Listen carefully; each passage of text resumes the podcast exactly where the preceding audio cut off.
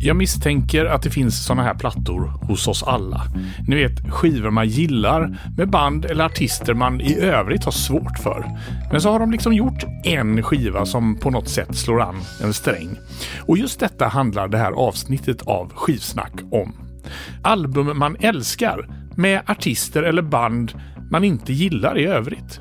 Och med mig i studion har jag Henrik Jonsson som åter är gäst. Jag heter Stefan Sundberg. Nu sätter vi igång. Henrik Jonsson, välkommen tillbaka. Tack så jättemycket. Ja, jag vet inte om du minns, men du svarade på fem snabbfrågor det första du gjorde i Mhm. förra programmet. Och det kommer du få göra nu igen, fast givetvis inte samma frågor. Nej, du kan ta samma. Jag har så dåligt minne så jag kommer... Men eh, en skiva från föräldrarnas skivsamling som du minns. Cornelis Vreeswijk, den här när han sitter eh, utan tröja med akustisk gitarr. Han ser så oerhört fryntlig ut. Min mamma spelade den. Det var den första som kom upp i, i huvudet. Jag kommer inte ihåg vad den heter däremot. Nej, jag vet precis vilken du menar också. Heter den... Ja, det får vi låta vara osagt. en fin sommarveranda och en nylonsträngad gitarr. Man hör liksom den där Cornelis bluesen i, Ja, i, i nylonljudet. eller hur? Den skiva du har köpt flest gånger. I olika format då. Mm, det gissar jag är eh, Achtung Baby, Youtube-skivan. Mhm. För den köpte jag samma dag som den kom på skivfönstret i Stockholm. Jag hade precis flyttat till Stockholm då.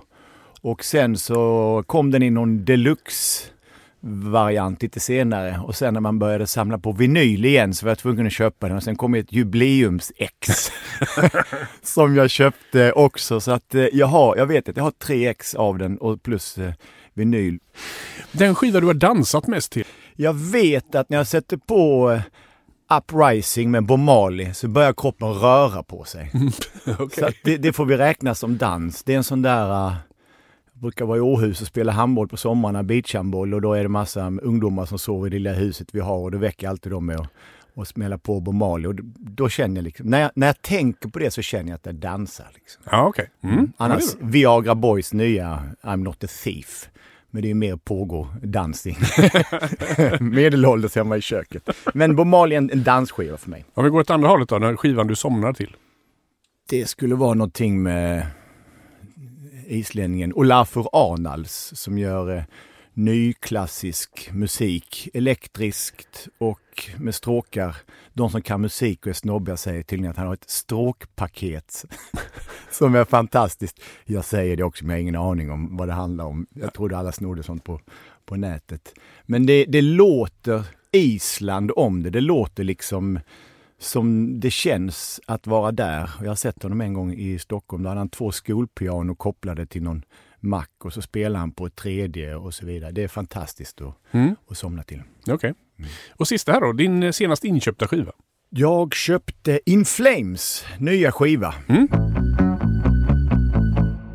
Vi har ett litet eh, eh, udda ämne, vet inte vad man ska kalla det, men lite speciellt ämne som vi har valt för det här programmet. Och eh, det kommer handla om skivor man älskar med band och artister som man hatar, kanske ett starkt ord, men som man, man har svårt för helt enkelt. Det är en skiva som, som, som funkar för en resten passerar förbi.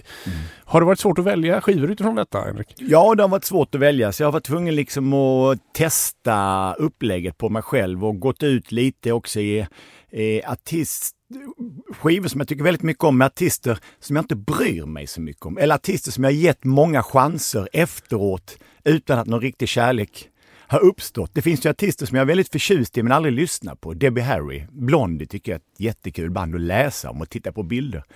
Aldrig hänt att jag sätter på en, en, en Blondie-skiva till exempel.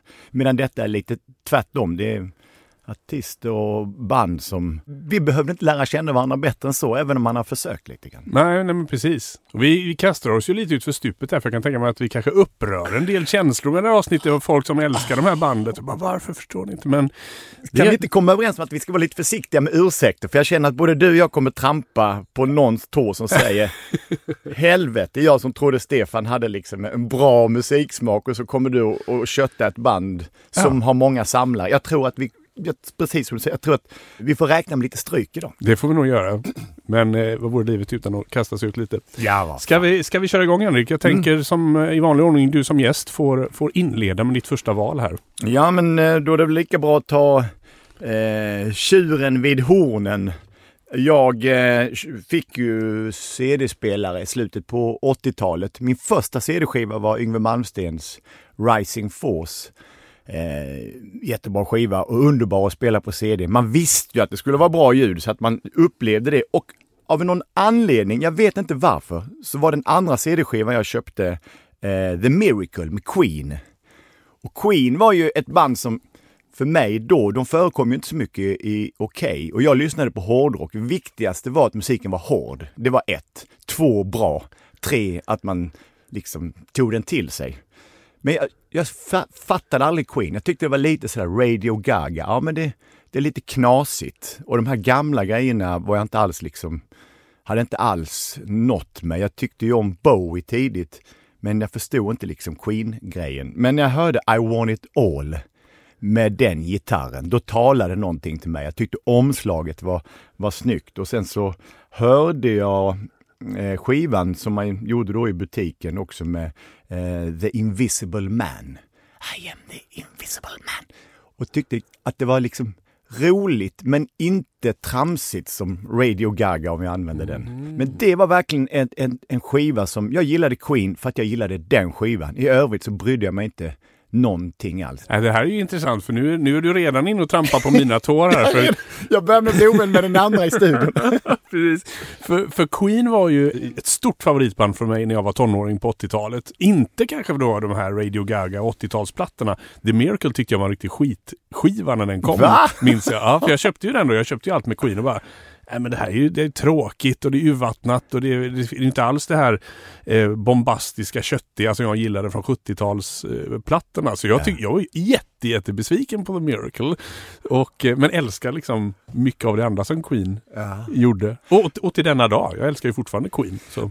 Ska, vi, ska vi ta och lyssna på dem? Ska vi lyssna på The Invisible Man kanske? Ja, det gör vi. the invisible man. I'm the invisible man. Incredible how you can see right through me.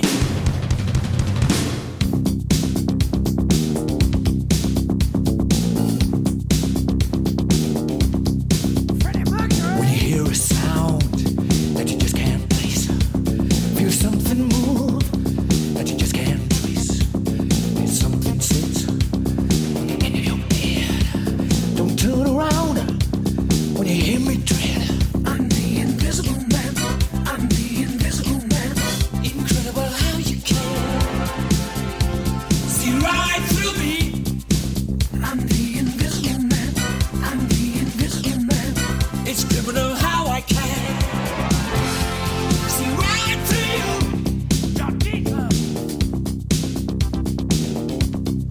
The Invisible Man med Queen från plattan The Miracle från, vad var det här, 88 skulle jag tippa någonstans. Om jag kan min Queen eh, 89. rätt. 89! Jag kunde inte min Queen rätt. Nej.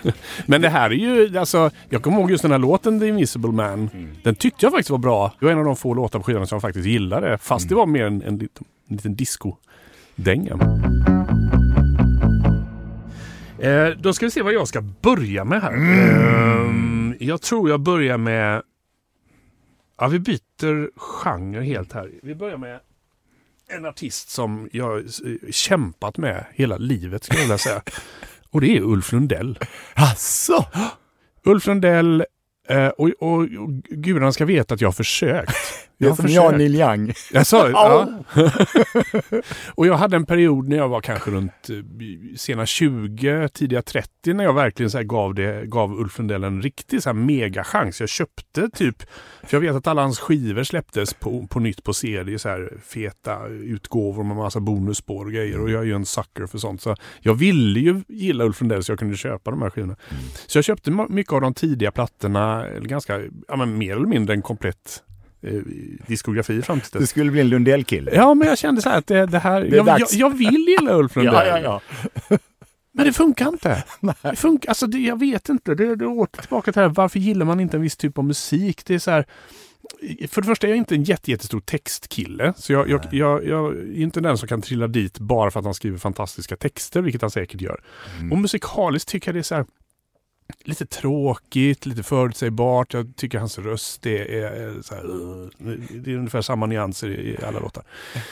Så jag gav upp. Eh, och sen så började jag plugga radio faktiskt. Mm. Eh, och så hade jag en, en klasskompis som var en riktig så här die hard Ulf Lundell-fan. Och i den vevan då, när är det här, 2000...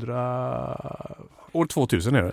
Då släpper han en skiva som heter I ett vinterland. Jaha. Och eh, vi fick den här skivan också till eh, radiostationen som vi drev då, vi studenter. Och jag brände av den kommer jag ihåg, som man gjorde då. Och lyssnade på den hemma. Eh, och, och, och, och varför det vet jag faktiskt inte. Jag tror det är för att min klasskompis sa att det här ska du lyssna på. Och så tyckte jag det här var ju skitbra. liksom låt efter låt var ju helt suverän. Liksom. Och, och inte minst den här låten eh, Jag saknar dig som är med på den här skivan. Det, är ju, det, det måste jag säga är en av de svensk, bästa svenska låtarna någonsin. Wow. I någon kategori.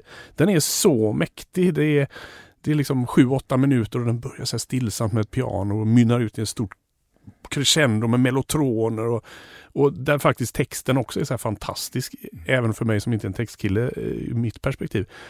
Och eh, Låt det snöa, fantastisk jullåt och, och, och många låtar här som jag bara säger det här är ju, det här är ju skitbra. Så att den här, till denna dag älskar jag i ett vinterland. Men sen jag, tänkte jag då, då ska jag ju köpa nästa skiva och se, nej, hände ingenting. Nej. Ingenting liksom. Det var, det, var, det var bara den här skivan. Det är det enda som jag har, har fattat med Ulf Lundell. Det är ju oerhört intressant. Jag är ju eh, i perioder Lundell-kille. Men det en, jag går liksom in och ut. Eh, han släppte ju, jag tror den heter Varg... Evangeline heter skivan.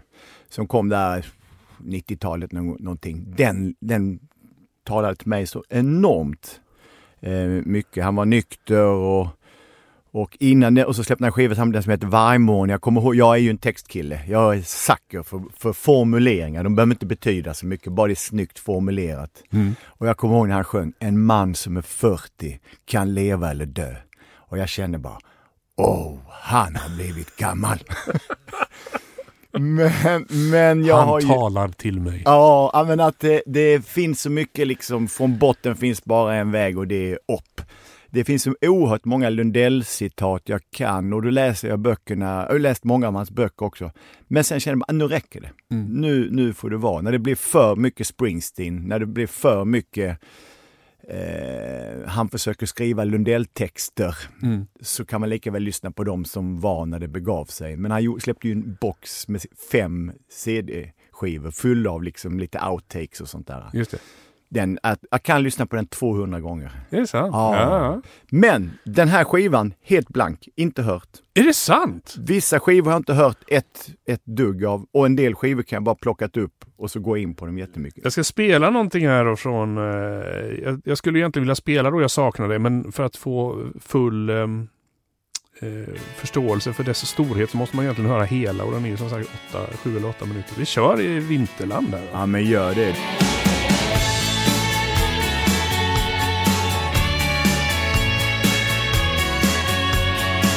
Jag vaknar upp, jag har pengarna på bordet. Jag är rädd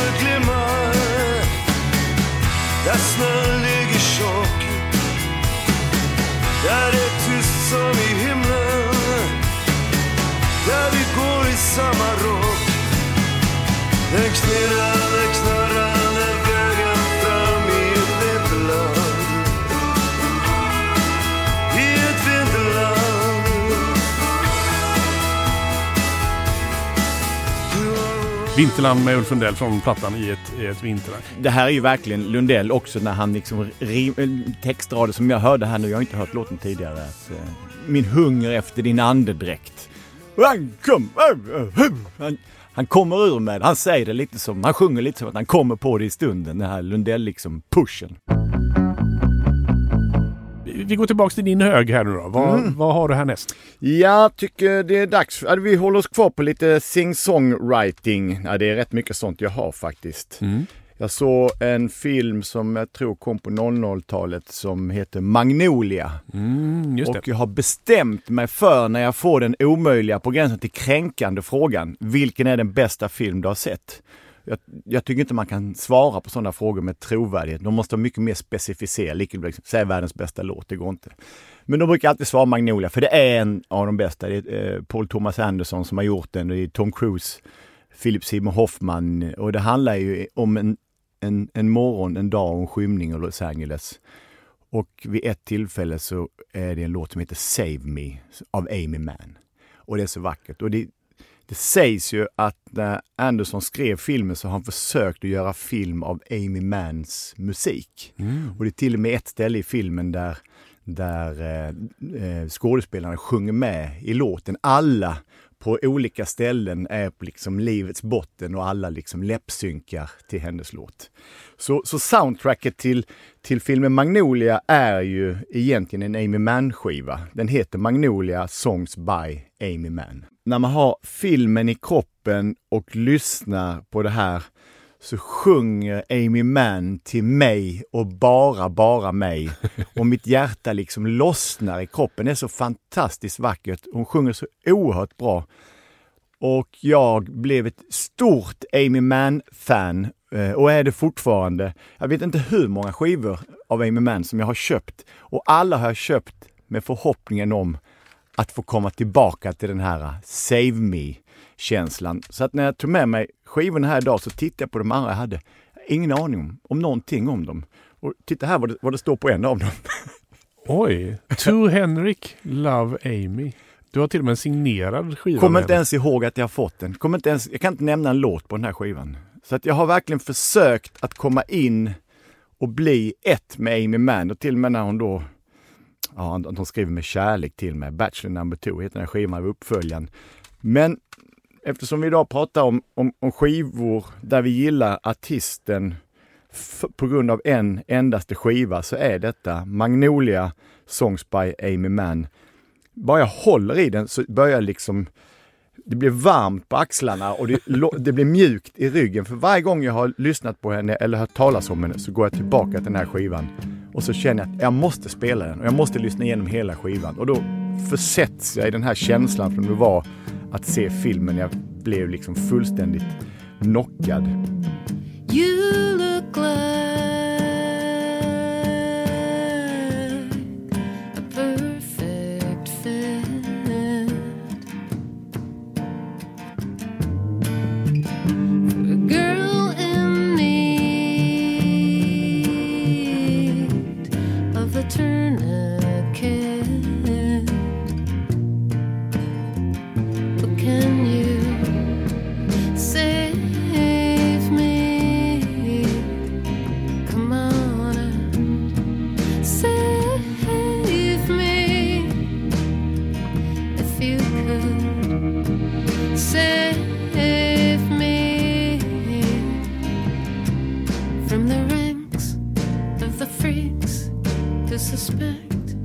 they could never love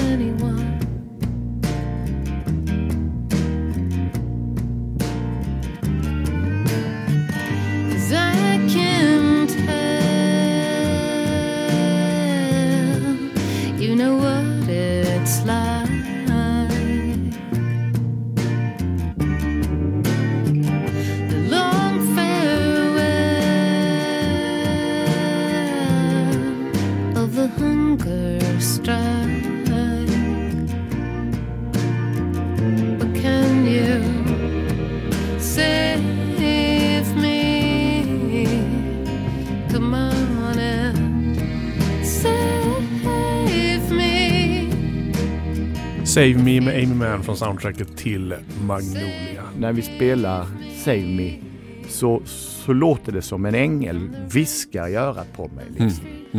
Och hon, hon sjunger så avslappnat, det är så försiktigt, komp, men det är sånt tryck i låten och det är hon som bestämmer. De andra får liksom spela efter henne och hon sjunger lite grann i mungipan, sådär som Springsteen kan göra ibland. Ja, ja. Inför hundratusen personer. lite sådär bara att eh, det, det finns något fulländat, jag tror att det är det, det finns något fulländat i min första Amy Mann-upplevelse. Och ska jag komma i närheten av något liknande så måste hon göra någonting helt annat. Mm. Här är min nya technoplatta. Ja. Eller någonting så. ja. Vi byter genre igen och, Ja, och pratar lite synt. Eller eh, New Romantic eh, 80-tal och Mm. bandet Ultravox. Ja, vattendelar får man väl säga va? Ja, det får man nog säga. Jag ska ju villigt känna, erkänna att på 80-talet när Ultravox hade sin storhetstid så var jag fullständigt ointresserad. Jag var ointresserad av den här musikgenren överhuvudtaget. Alla de här Duran Duran och Ultravox och, och Kajagoogoo och allt vad de hette som nu kanske jag liksom, nu, nu låter jag väldigt dömande här, det är inte så jag menar men, eh, ja, men det funkar inte. Jag var ju jag var rockkille. Ja. Och framförallt en väldigt retro-rockkille. Jag gillar ju 70-talsmusik, så Kiss och eh, Electric Light Orchestra och Status Quo och sånt där. Det, det, var, det var mitt 80-tal. Så, så upptäckten av Ultravox kom långt, långt senare, skulle jag säga, när jag kanske var i 30-årsåldern. Men jag minns ändå att jag tyckte om Vienna, låten Vienna, när det begav sig. Och av någon anledning så hör jag den här igen på radion eller vad det kan ha varit, sett någon video. Och, och just inser att fy fan vad det här är bra. Vilken Ja. fantastisk, fantastisk låt.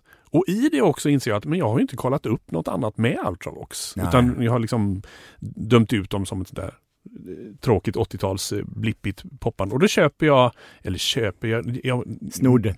Ja, jag minns faktiskt inte om jag, om jag köpte, jo men det gjorde jag. Jag köpte ju då Vienna på CD, för jag hittade väl den i någon billig eh, skivkorg någonstans. Och kände att hela den här skivan är ju jätte, jättebra. Och det här är ju då från 1980 och blev väl Ultravox eh, genombrott kan man säga. De hade gjort några skivor med en annan sångare innan. Och då var det ju ännu mer så här, lite experimentsyntigt. Men eh, jag älskar nästan varenda låt. Ja. Det är väldigt roligt att du säger den skivan och den låten. För jag minns vad jag var när jag hörde den. Jag gick på lågstadiet, Mårtens Fälaskolan i Lund, följde med en, en kompis hem. De bodde i en villa och på den tiden hade man ju, i alla fall i de kretsarna jag gick, hade ju familjen en stereo där man spelade skivor. Och då tog han upp den skivan, Ultravox som vi sa då. Vad är, och då kändes det inte, det där är ju liksom synt. Är det något vi, nej men det är min, eh, det är min syrras skiva. men det finns en låt som faktiskt är bra. Och så spelade han eh, eh, Vienna. Och jag kände precis som så här, det här är ju, eh, det här är ju bra. Det här tycker man ju om. Ja. Så att jag har alltid gillat eh, Ultravox tack vare den låten. Men jag har aldrig köpt någonting, aldrig lyssnat på det. Men exakt den låten. Men det är väldigt märkligt hur den under så skilda tidsperioder på så skilda platser har kunnat träffa oss bägge två. Och det, Vienna är en sån här låt, jag tänker så här, finns det någon som inte tycker om den? Kan man inte tycka om Vienna på något sätt? Jag förstår att det blev en sån massiv hit när det, när det begav sig. Och den är inte så representativ egentligen för Ultravox, för det var ju mer syntpoppigt, det andra materialet. Men jag tycker det var, eh, hela skivan eh, var och är jätte, jättebra. Men sen då när jag ville då utforska vidare i Ultravox diskografi och började köpa skivorna som de har gjort efteråt. Så, ja, men lite som du sa med Amy Mann, kicken kom inte tillbaks. Det, det funkar inte Nej. liksom. Det är inte dåligt och det fanns eh, några låtar som jag gillade men det är egentligen bara den här skivan med Ultravox som har liksom helt sugit tag i mig och som jag tycker är jättebra.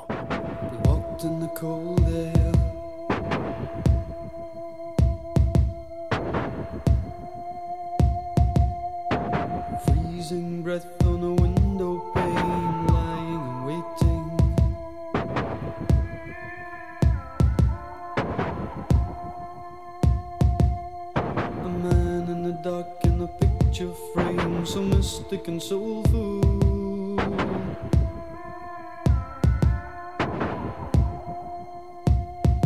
A voice reaching out in a piercing cry, it's stays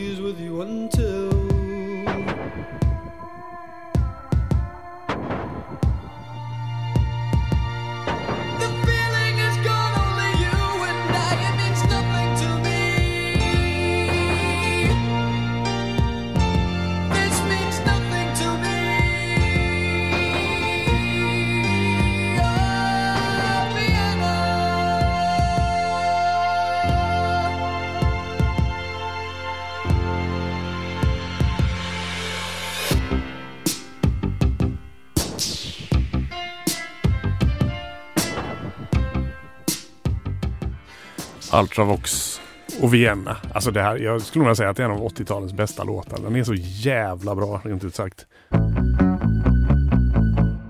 Nu ska vi ta någonting som symboliserar att jag i, med jämna mellanrum köper eller skaffar mig en skiva i genrer som jag egentligen inte är så bevandrad i. Jag brukar köpa en hiphop-skiva om året. Macklemore tycker jag är fantastiskt till exempel. Och Drake och Kendrick Lamar som jag tycker är kul och så lyssnar jag på dem och så tycker jag väldigt mycket om dem. Men jag går liksom inte på djupet. Jag sitter inte och kollar vem är det som gör handclappingen här eller vem har fotat omslaget.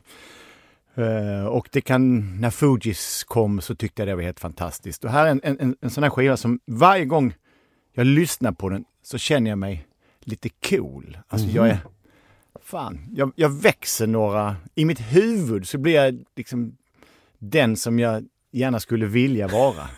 Och jag vet när jag hörde det första gången, det, eh, det var på radion och skruvade upp. Eh, jag var, var hemma och så kände jag, vad, vad är det som gör att jag blir lite rakare i ryggen? Artisten heter Macy Gray Mm, just det. som eh, sjunger med rivig och raspig röst. Tillhör liksom den, den, den ädla soul-skolan. Men jag har lyssnat lite sådär när hon har släppt någonting annat. Hon är ingen sån som släpper speciellt mycket eller varit med. Men jag, jag läser ingenting. Jag bryr mig inte så mycket. För det är den här skivan, det här Macy Gray och jag har eh, varandra. Och det är ju en låt som heter I Try, eh, bland annat. Och när hon börjar sjunga den låten så är det med en känsla av att man måste veta vad man gör och man måste bestämma sig. För låten börjar lite grann som låtar gör, men när hon börjar sjunga, det finns någon beslutsamhet i det, det finns en tydlighet i det. Och så heter låten I Try. Eh, och jag, det är någonting som gör att varje gång jag har hört den, om, jag, om den råkar dyka upp på en spellista eller någonting, ah, jag tar den en gång till. Jag, jag tar den en gång till.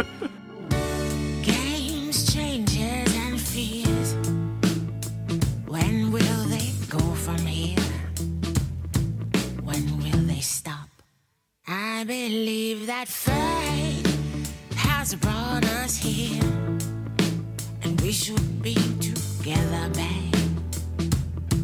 But we're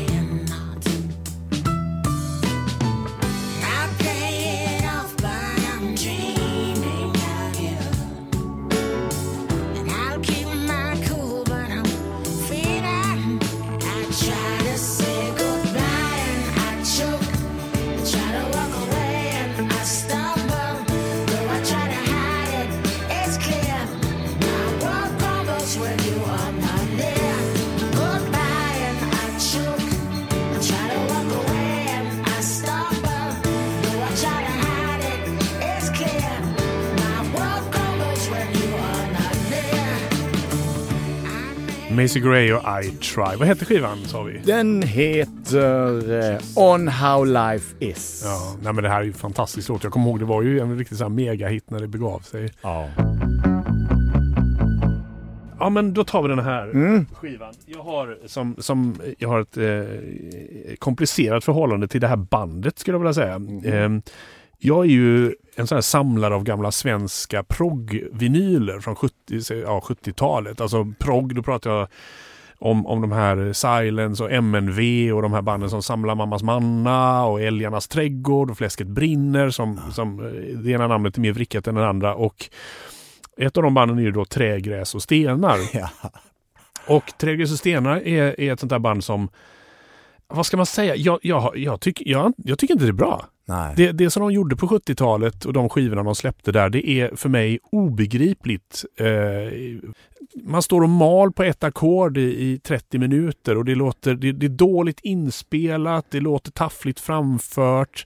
Sen, fin, sen är det ju många som älskar Trädgårds och stenar under den här perioden just för att det är så flummigt och meditativt och, och, och experimenterande och man tänjer på gränserna.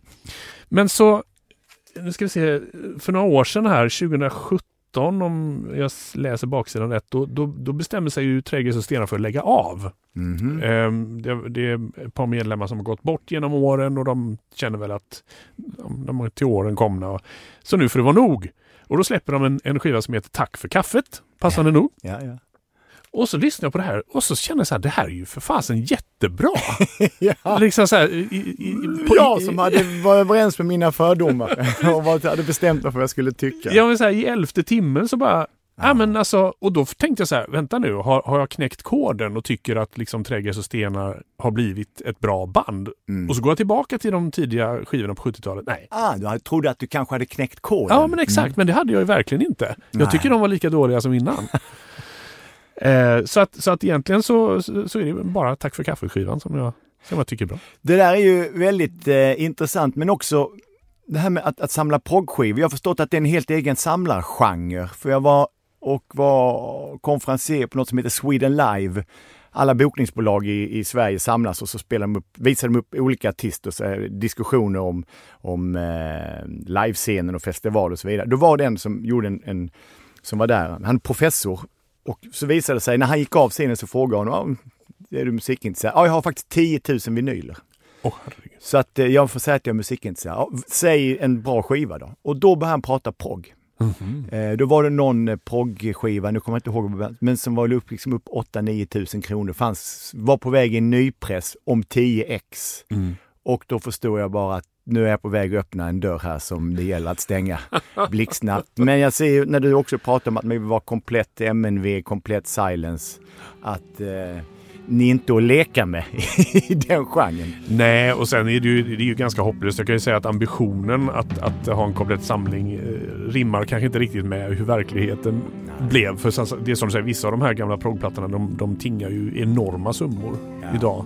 Men, men alltså, om man ser det rent estetiskt eller rent soundmässigt så är det ju fortfarande det här långa låtar, det är meditativt och så här, men på något sätt så känns det mer fokuserat det här. Det är bättre inspelat. Det känns som att de liksom med åren har, har blivit lite vassare med, och, med sina arrangemang och sina instrument. Så att, ja, jag, jag tänker vi spelar en, Ja. en, en snutt här så Det blir väldigt kul att höra. Nyprogg.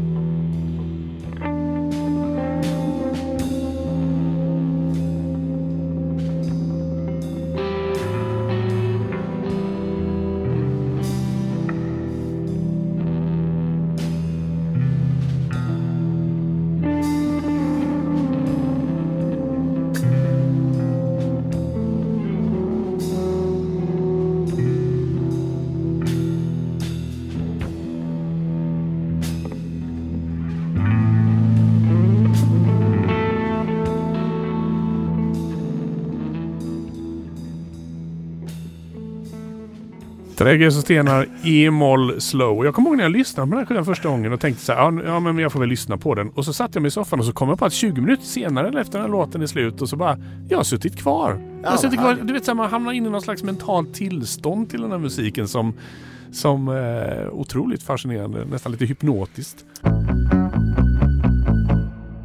Vad har du mer med dig? Ja, jag har med mig en Mac. Jag har liksom eh, hittiga grejer idag. Här är en skiva. Jag har lyssnat på den så många gånger, så fruktansvärt många gånger. Jag kommer inte ihåg hur jag upptäckte den, men jag såg honom spela någonstans i Stockholm och sen började jag lyssna på den här skivan och jag har sett honom efteråt någon gång och jag har köpt ett par skivor efteråt.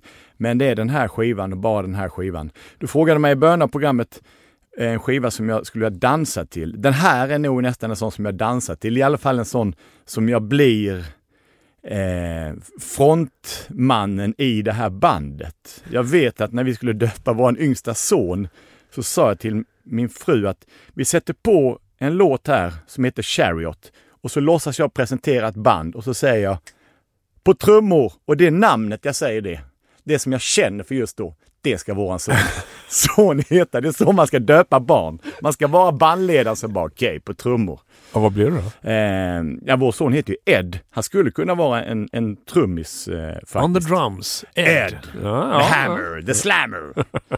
Men detta handlar om Gavin DeGraw och skivan Chariot. Gavin DeGraw är ju fantastisk pianist, alltid väldigt amerikanskt. Eh, och den här skivan, stora hitten här var ju framförallt I don't wanna be anything that I'm try to be lately.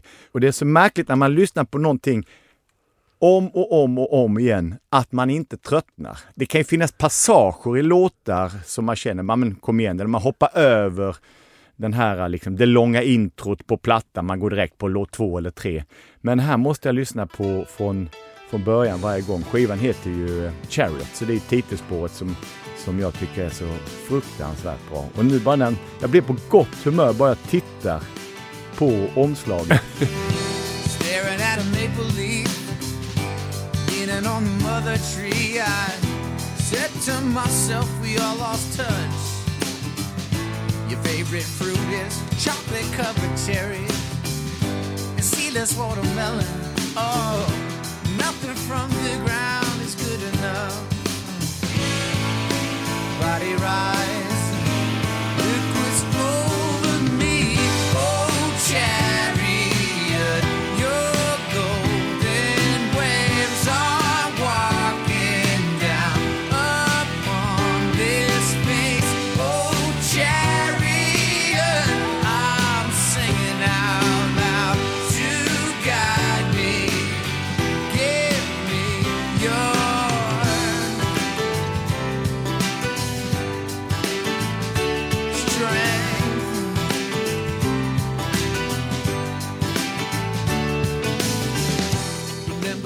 Gavin DeGraw Chariot. Det här gillar jag jättemycket. Jag förstår det precis vad du säger. Man, man mår lite bättre. Ja, det är liksom feel good rock.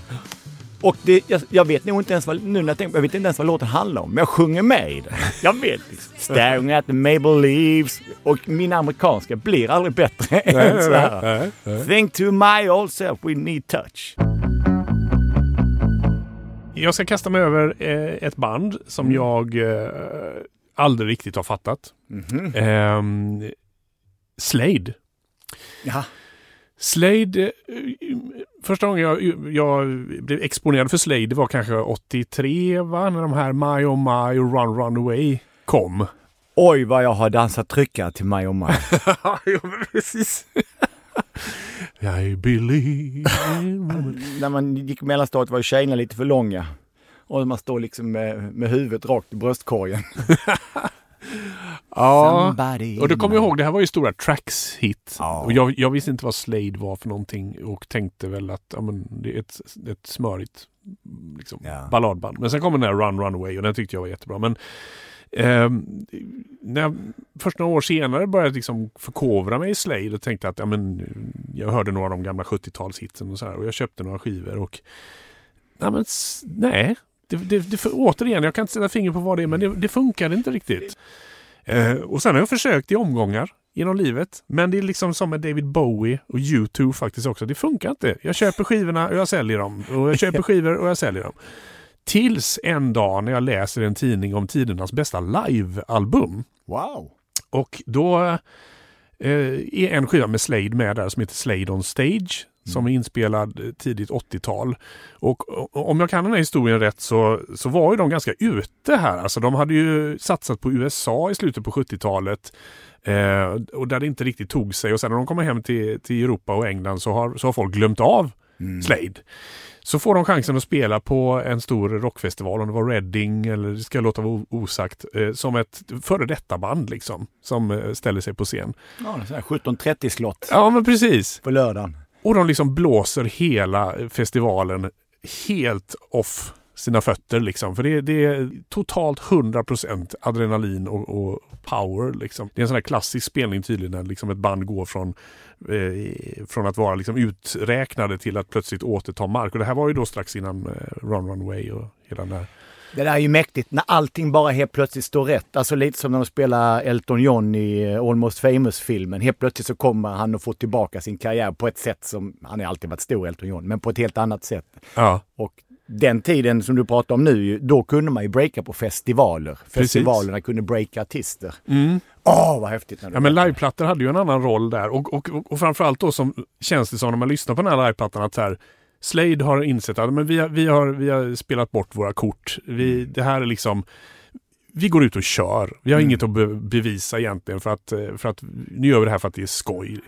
Och, ja, men det är sån jävla röj helt enkelt. Och då köpte jag den här plattan och det här är nog bara kanske fem, sex år sedan. Och jag var bara så här, ja, det här är ju helt fenomenalt. Det, det är sån, det är nog en av de ösigaste liveplattor jag har hört, tror jag.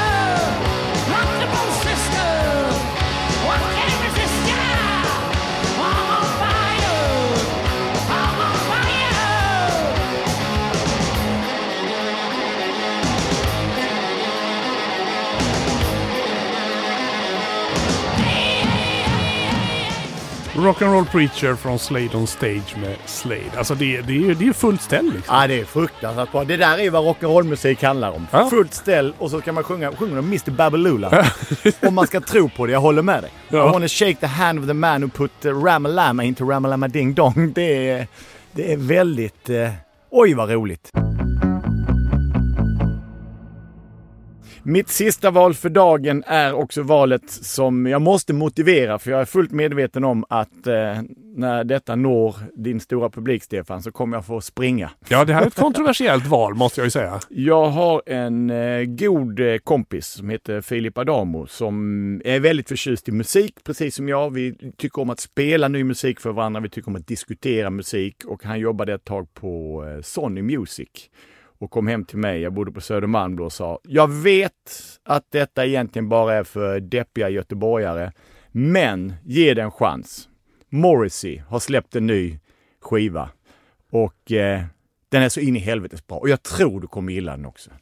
Och jag har ju haft, inte alls varit inne på den liksom The Smith eller Morrissey eller, eh, men, men eh, jag tyckte det var tunt, jag tyckte det var lite meningslöst, jag tyckte det liksom saknade potens, det fanns ingen kraft i det. Men så, ja men vi, vi, vi sätter oss och så som man ska, man öppnar ett par öl, man öppnar fönstret så ifall någon behöver röka så kan man luta sig ut och så står man och pratar samtidigt. Och så spelar vi den här skivan Morrissey, You are the quarry. Och den är fantastisk.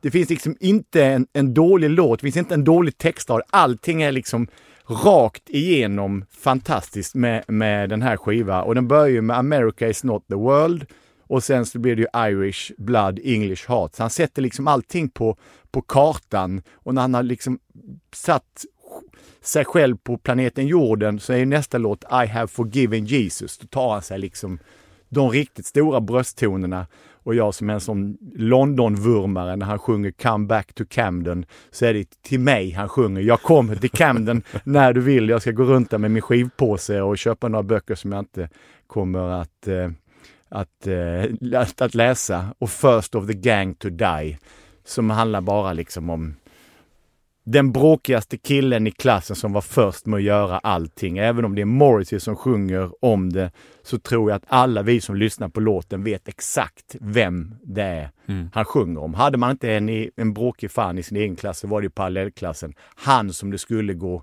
illa för. Jag vet precis vem det var i min Ja. vänkrets som det gick verkligen för. Han dog alldeles för tidigt i en MC-olycka. Vi var inte kompisar men alla kände till honom för han var den farliga liksom. Och då kände jag att okej, nu har vi öppnat dörren till Morrissey. Nu ska jag också bli en, eh, en deppig göteborgare som ska gå och gilla The Smith. Men det, nej, där hände ingenting. Det är Nej. samma liksom. Joy Division händer ingenting heller. Morrissey, jag tycker du är kul, som i kostym, är så provokativ. Man får inte säga detta. Då säger jag detta. Ja. Jag är för detta, jag är emot detta. Ni får bli förbannade så får jag prata och spela musik. Och jag läser om honom. Men detta är den enda Morrissey-skiva som jag har. Jag kan ha gått och köpt en Best of för att jag skulle liksom börja plugga in det och känna okej, om jag bara tuggar mig igenom tillräckligt många gånger ska jag hitta. Men skulle jag få göra en lista över mina bästa Morrissey-låtar så är det låt 1 till 12 på den här skivan. Den är en fantastisk skiva.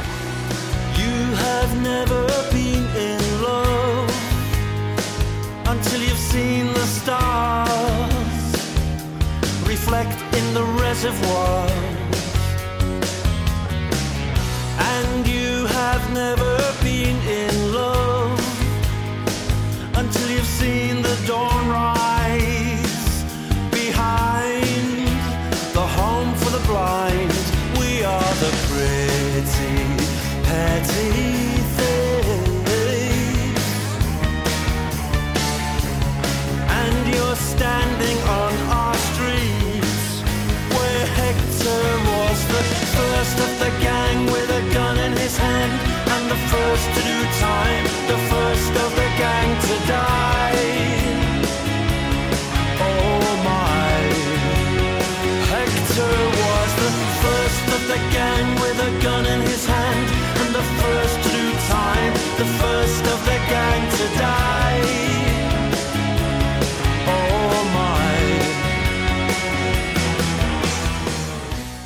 First of the gang to die med Morrissey från plattan You are the quarry. Det enda som Henrik Jonsson gillar med Morrissey. Ja, det är väldigt tralligt det är väldigt liksom kul och det är väldigt bra. Ja, men det här är ju bra. Jag, jag satt just och tänkte när vi lyssnade på låten här att jag tror att vad jag har haft också svårt för mig med The Smiths och Morrissey, det, det är ju hans röst. Det är väl, han har ju en väldigt speciell röst och ett lite släpigt sätt att sjunga. Men nu när jag lyssnar på det så, så uppskattar jag det faktiskt på ett annat sätt. Det, det är väl också en sån här grej som ändras kanske med tid och med åren. Att någon, ett sound eller en röst som man inte gillar plötsligt liksom... Men, ja, men jag, jag satt just och tänkte att det här är ju faktiskt riktigt bra. Du, jag tänkte att vi skulle börja, eller sluta det här lite som vi började. För då spelade du en, en eh, musik från en skiva med ett band som du för övrigt inte tyckte var så bra. Och som jag tyckte var jättebra. Nu ska jag eh, göra tvärtom då. Jag ska, Alltså.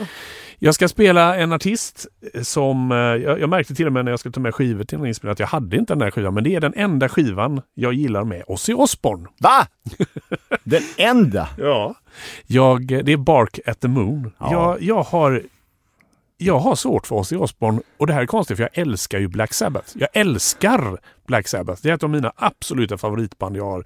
Jag har liksom alla skivorna på både vinyl och CD och jag älskar alla eror, vare sig om det är Ozzy eller Ronny James Dio eller Tony Martin. Eller, de har ju bytt så mycket medlemmar. Jag gillar alla eror mer eller mindre.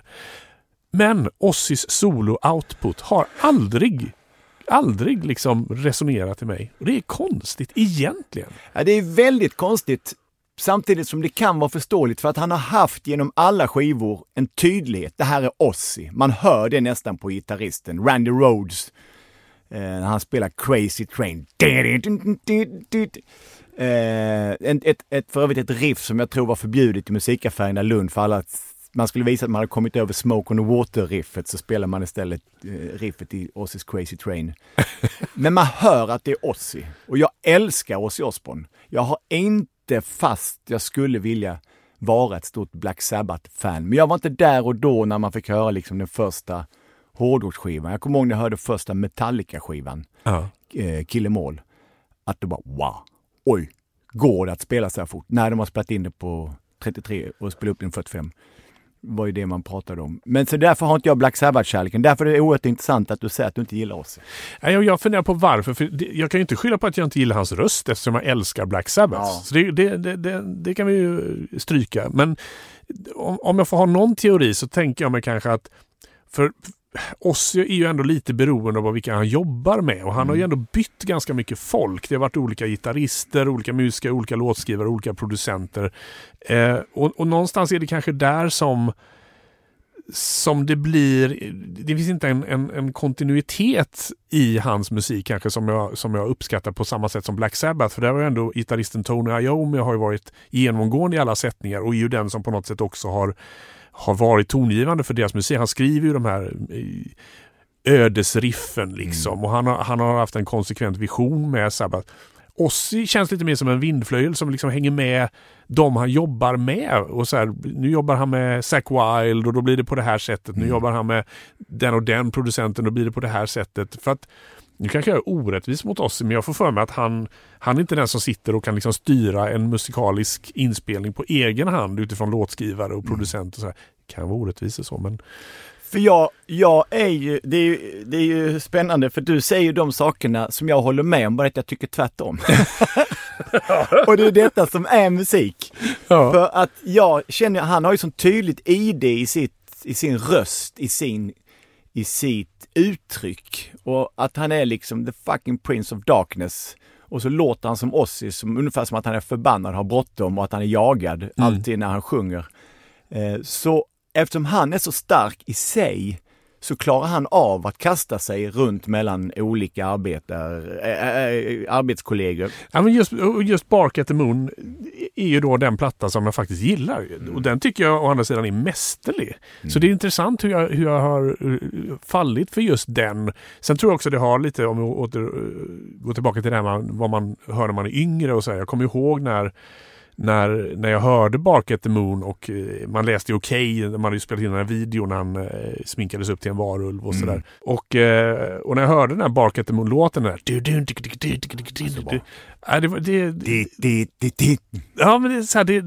det funkade på något sätt. Och sen, men sen, jag tror att efter det kom den här skivan The Ultimate Sin. Va? Ja. Och då tyckte jag så här, nej men nu låter det inte så där coolt och fräckt och, och då blir det mjäkigt. Så, och sen tappade jag intresset för oss. Sen, sen tycker jag han har gjort vissa bra låtar. Jag tycker No More Tears och Perry Mason och det finns ju liksom enstaka bra låtar men ja, jag vet inte. Och framförallt, jag, jag lyssnade faktiskt igenom eh, at the Moon eh, i veckan här inför det här programmet och jag inser ju att det finns ju en låt där som jag tycker är Ja, men jag är väldigt, väldigt svag för den här ganska för oss icke-representativa So Tired.